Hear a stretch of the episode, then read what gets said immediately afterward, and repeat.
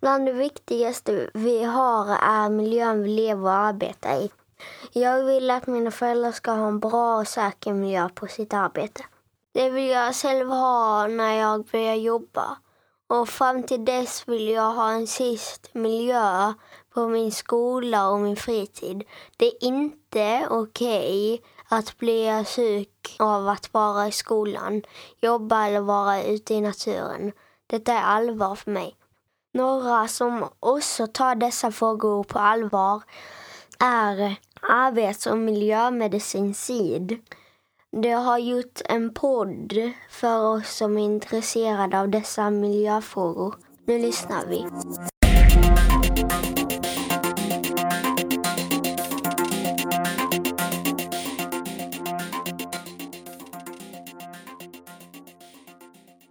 I dagens eh, podd så ska vi prata om eh, belastningsskador. Belastningssjukdomar är antagligen ett av de största arbetsmiljöproblemen i västvärlden. När man eh, googlar det här så kan man läsa att det finns en uppskattning på att 70% av den arbetande befolkningen drabbas på något sätt och att det är kvinnor som drabbas dubbelt så ofta än män. Jag har tagit hjälp här av Inger Arvidsson, belastningsekonom på Arbets och miljömedicin Syd. Välkommen hit! Tack så mycket! Vad tänker du när du hör detta? Du sa 70 procent. Ja. Det låter väldigt mycket, men då, då, måste man ju tänka på att, att det här med belastningsskador kan vara allt ifrån att man har lite ont i nacken en dag till att man har så svåra problem så att man inte kan arbeta och slås ut från arbetslivet och inte kan lyfta sina barnbarn och inte kan ha en, en okej okay fritid. Så det kan vara allt från väldigt lite till väldigt, väldigt mycket. Det, det som man kanske tänker på allra först är de här ensidiga repetitiva arbetena som finns i typ i industriarbeten eller inom byggsektorn. Ehm, eller den typen av jobb man har till exempel inom äldrevården där man lyfter tungt, där man hanterar patienter, där man får, inte alltid kan eh, kontrollera hur man ska lyfta och vrida eftersom man har levande människor som man jobbar med. Eh, så det kan också vara ett bekymmer. Och det finns även eh, inom dagligvaruhandeln eller om man jobbar på lager där man lyfter och sliter jättemycket eller ett vanligt kassaarbete i, livsmedelsbutiken. Vad känner du det idag är den största utmaningen inom vilken bransch? Ja, det finns många olika branscher som vi är bekymrade för. Just nu har vi ett stort bekymmer inom äldreomsorgen faktiskt, som har ett väldigt, eh, på många sätt tufft arbete. Men jag tror vi, kom, vi det finns flera riskbranscher. Jag, jag, tror till exempel att inom lager och e-handel, nya branscher där det blir många, många fler anställda eh, som har ganska tuffa arbetsförhållanden på olika sätt. Och inte minst när det gäller belastningsergonomi. Om man då har fått en belastningsskada, vad innebär det? Är det muskler, skelett, nerver? Ja, det, det är ofta alltihopa på en gång. En del besvär är ju alltså muskulära besvär och det är väl de kanske som har lättast för att eh, gå tillbaka och bli bra igen. Eh, men ofta är det både muskler och leder och skelett som är involverade samt eh, också alltså att nerverna kan komma i kläm på olika sätt. Som jag berättade i inledningen så är dubbelt så många kvinnor som drabbas än mm. män. Jag tänker mig de eh, traditionellt dominerade kvinnoyrkena. Mm. Är det mm. så enkelt? Ja, det är inte riktigt så enkelt. Alltså, det är ju en hel vetenskap i sig. För det är ofta så att män och kvinnor gör olika saker på jobbet. Eh, männen kanske lyfter tungt och har ganska fysiskt påfrestande jobb men också ganska mycket variation. Medan kvinnorna kanske mer drabbas av de här ensidiga repetitiva nötande arbetsuppgifterna som, som sliter på enskilda strukturer och så, som man också kan bli för skador av. Du säger ensidigt repetitivt. Ja, mm. Ja, det är ju det att, att samma arbetsmoment återkommer gång på gång på gång. Och inte bara idag eh, eller denna timmen utan dag efter dag, år efter år så gör man samma eller likartade rörelser om och om igen. Och det är det vi kallar för ensidigt och repetitivt. Repetitivt är ett konstigt ord men ja, man repeterar många gånger sina rörelser. Och är det det här då belastningen blir en belastning? Där det blir ja, sjukdom? Ja, det är, och det är lite lömska skador för att de, de ser inte alltid så himla ansträngande ut. Eh, utan det, det, ser väl inte så farligt ut, men i och med att man upprepar, upprepar, upprepar så blir det en nötning som, som, och man får inte tillräcklig återhämtning mellan de här momenten utan man håller på hela tiden. Och det har man sett att det finns stora risker för belastningsskador i den typen av jobb. Mm. Men alla våra lyssnare som går på gymmet, eh, mm dag ut och dag in, år ut och år in. Vad, vad säger du till dem? Ja, men det är väldigt intressant. Alltså, som sjukgymnast har jag ju träffat ett antal patienter som varit på gymmet och tränat fel. Och det är ju ofta där bekymren ligger. Man tränar för tungt eller man tränar fel och gör fel rörelser.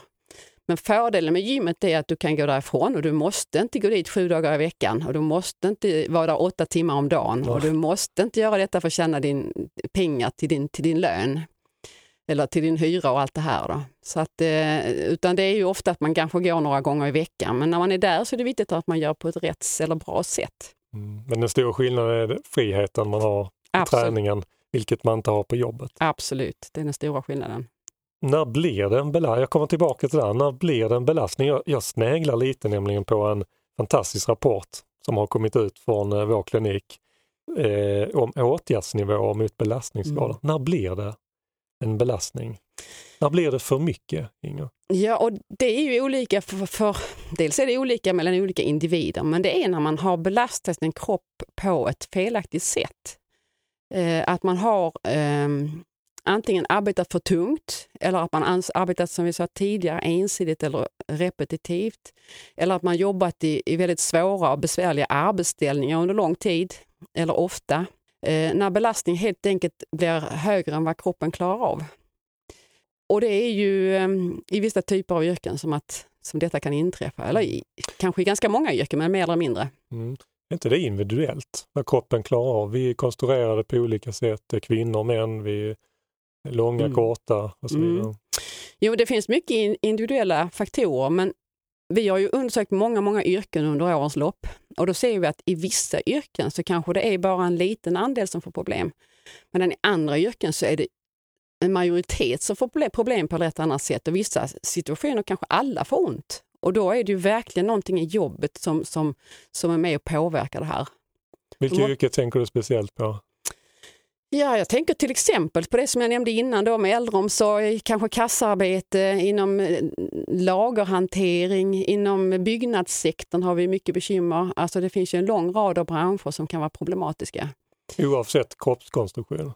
I vissa yrken har man ju skydd av att man är stark och vältränad, men inte riktigt alla. Det här ensidiga repetitiva, där tror jag inte att man är så hjälpt av att man är vältränad. Beskriv lite mer kring det här med de här åtgärdsnivåerna mot belastningsskada. Vad, vad står det för? Um, ja, då får jag berätta lite om vår bakgrund i vår forskning ja. uh, för, att, för att komma fram till detta. För det är ju så här att vi i vår grupp på arbetsmiljömedicin har utvecklat metoder för att mäta, tekniska metoder för att mäta den fysiska arbetsbelastningen. Vi kan mäta arbetsställningar och rörelser, vi kan mäta muskelaktivitet uh, och vi kan, eh, ja, det är framförallt det då. Å ena sidan har vi detta. Sen har vi en annan metod där vi undersöker hur, hur på ett standardiserat sätt, vi gör likadant varje gång, undersöker hur pass mycket besvär personerna har eh, ifrån kroppen, från muskler och leder. Och så har vi undersökt stora grupper i många, många olika yrken.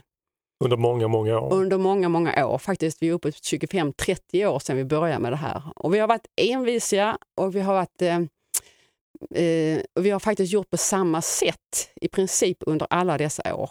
Och Det innebär att vi kan jämföra olika yrken med varandra och vi kan bedöma, är det mycket eller är det lite? Eh, och vi kan också beräkna samband mellan den fysiska belastningen och förekomsten av besvär i de jobben som vi har mätt på. Och det här har gett oss en, en ganska unik databas eh, för de här sambandsanalyserna. Och eh, utifrån våra resultat så har vi och vår erfarenhet av så många olika yrken så har vi satt oss ner och sagt att nu, här tycker vi gränsen går för vad som vi kan anse att det är skadlig belastning. Mm. Eh, och det är utifrån det vi har definierat och gett förslag till sådana här åtgärdsnivåer. Mm. Så ett konkret exempel om jag jobbar som ehm, eh, byggnadssnickare. Mm. Vad, vad, skulle det innebära för mig som byggnadssnickare att de här åtgärdsnivåerna finns? Om det skulle funnits en, eh, en lagenlig åtgärdsnivå. Ja, vilket det inte gör idag. Det gör ju inte det idag. Va? Det är ju det som är vårt mål, men det finns ju inte det idag. Men om det hade funnits det så hade det varit att som ett gränsvärde. Och vad är det, ett gränsvärde? Ett gränsvärde är en laglig gräns. För att om du överskrider det här gränsvärdet så måste arbetsgivaren åtgärda det här arbetet och göra det bättre. Just det. Oh, precis. Men så finns det inte det idag, men jag jobbar som byggnadssnickare. Mm vad skulle innebära för mig utifrån hur det är nu i alla fall att det har tagits fram de här åtgärdsnivåerna. Mm. Ja, om vi skulle göra mätningar med våra metoder eller med, med liknande metoder och mäta på en byggnadssnickare Ja. och komma fram till att han har en rörelsehastighet i sina armar till exempel som överstiger våra åtgärdsnivåer. Till exempel om man jobbar mer än 60 grader per sekund eh, eh, med rörelsehastighet då, eh, utslaget under en arbetsdag. Mm. Då kan vi säga att nu ligger de över de här åtgärdsnivåerna. Det här jobbet är skadligt. Det innebär stor risk för att du får en belastningsskada. Mm. Och därför skulle vi vilja säga till arbetsgivaren att ni måste göra någonting åt det här jobbet för att det ska bli en lägre belastning. Annars riskerar människor att bli sjuka. Mm. Det är ett sätt att visa på att det här är inte bra, det här är inte Mm. hälsosamt. Nej, absolut. Mm. Skulle man kunna göra likadant på gymmet? Ja du, det var en bra fråga. Eh, men det är, inte, det är inte så motiverat tycker jag. Ja. Utan där får man gå ut med rådgivning för det är människors fria vilja, de är där på sin fritid. Eh, Men däremot råd och tips om hur man ska träna på ett bra sätt. Just det. Ja, för Det där gör in- man det frivilligt. Ja. Det är helt annan sak i arbetet Ja. och får helt andra konsekvenser. Ja, ja, det är något helt annat, Mm. tycker jag. Det här låter ju väldigt användbart. Mm. Vi hoppas vem, på det. För vem kan det vara användbart mer än för den enskilde som jobbar i det? Att få det bevisat Mm. att ja, men det är så att det är okej eller det är inte okej belastning som jag befinner mig på. Vem, vem mer har nytta av det här i samhället? Alltså det, det övergripande syftet är ju att man ska förebygga. Alltså att vi ska skapa gränser för hur belastande ett arbete får lov att vara. Mm. Så att liksom, om Arbetsmiljöverket går ut och gör en inspektion på en arbetsplats och man kan se att här ligger belastningen för högt, då kan arbetsgivaren ha, ha Arbetsmiljöverket kan kräva att de ska förbättra arbetsmiljön. I, dag, i dagens, eh, med dagens lagstiftning så, att säga, så finns det inte någon starka, de har, det är för luddigt, det finns inte tillräckligt skarpa gränser. Man kan alltid diskutera och då, då, är det, då blir det inte, det blir inte så konkret, man kan inte ställa konkreta krav på det viset. Mm. En annan sak jag tänker på det jag var i ett arbetsgivarnätverk här för någon vecka sedan där det diskuteras just med ergonomisk belastning Mm. Och då kom det upp att det är inte ovanligt att arbetsgivaren har en uppfattning om eh, vad som är skadligt och medarbetarna någon annan och Mm. facket kanske tredje Mm, och mm. företagshälsovården en Mm, fjärde uppfattning. Mm. Och att den här formen av, dels som du beskriver mätmetoderna Mm. och de här åtgärdsnivåerna kan vara ett sätt att lite vara objektiv. Så här ser det ut och sen kan man förhålla sig utifrån det. Absolut. vad tänker du kring det? Ja, precis så. För att det, det finns ju alltid mycket man kan vända och vrida på allting, men om vi har hårda mätdata, det kräver ju också att vi kan använda våra mätmetoder på ett bra sätt eller på ett enkelt sätt. Men kommer vi dit med mätning så, så behöver man inte, då vet, vi, då vet vi faktiskt hur det är, för det är, ganska, det är objektivt. Hur, Eh. hur sprider vi ut detta Ja, från klinikens sida? man kan göra en podd. Nej, det gör vi just nu. Just, det. Just precis. Det glömde jag.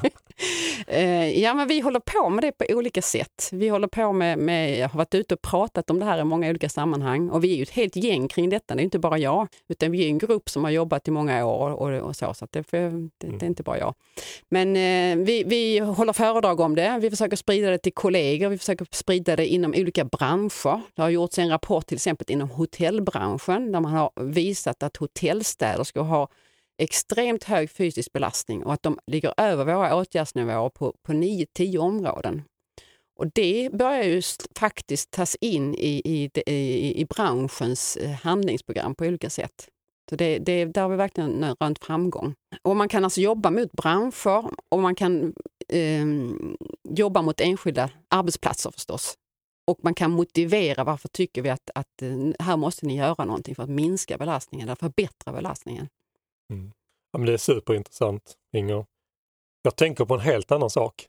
Som, eh, vi, vi jobbar ju både inom eh, hälso och sjukvården och vi har ju sekretess, så det här behöver du inte svara på. Men eh, har du själv haft någon belastningsskada?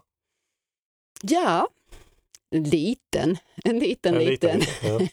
Faktiskt är det så att vi har varit ute och gjort så mycket kliniska undersökningar av olika personer där vi har använt den här metodiken som jag pratade om förut, där vi undersökte personer på samma sätt. Och i det ingår att man ska ta och klämma åt och testa handstyrka på massa individer. Okej. Om man då undersökt tillräckligt många som klämmer tillräckligt hårt om handen Mm. så kan man som undersöka på ont. Jaha, Så det var faktiskt det som var närmst. Ja. Jag har gått över igen. Just det. Blev det då ensidigt och repetitivt? Ja, och ja, det, ja, det blir ju ganska många om da- gånger om dagen eftersom vi gjorde många undersökningar. Ja. Det var inget stort bekymmer. Men, men dock. Mm. Annars har jag inte drabbats av det. Nej. Hur ser du framåt? Om vi skulle ses här igen och prata om det här om eh, fem år. Mm. Vi har ju en förhoppning och haft i många år att de här åtgärdsnivåerna som vi nu har föreslagit, att de ska vara grunden för eh, man kan diskutera nivåer och så, men grunden för att man ska inrätta gränsvärden för fysisk belastning. För det är komplicerat. För det är ju så med fysiska belastningar att det är inte riktigt svart och vitt. Det är ju inte så att man, man, det är ju ganska bra att ha en viss belastning på sitt arbete, men var går gränsen när det går för mycket? Och det är därför det inte, jag tror en av anledningarna till att det inte finns ett gränsvärde idag. Mm. En annan anledning är att det skulle omfatta så himla många människor på arbetsmarknaden så att det skulle bli stora konsekvenser av det. Det kan vara en annan anledning. Eh, men målsättningen är ju att skulle vi sitta här med gränsvärden för fysisk belastning om fem år så skulle jag vara ganska glad. För jag tror att det är viktigt för det förebyggande arbetet. Mm. Då gör vi så att eh, vi har det som målsättning. Mm. Så ses vi om fem år igen mm. här. Okej. Okay. Ja, tack för att eh, du kom hit Ingvar. Mm, tack så mycket.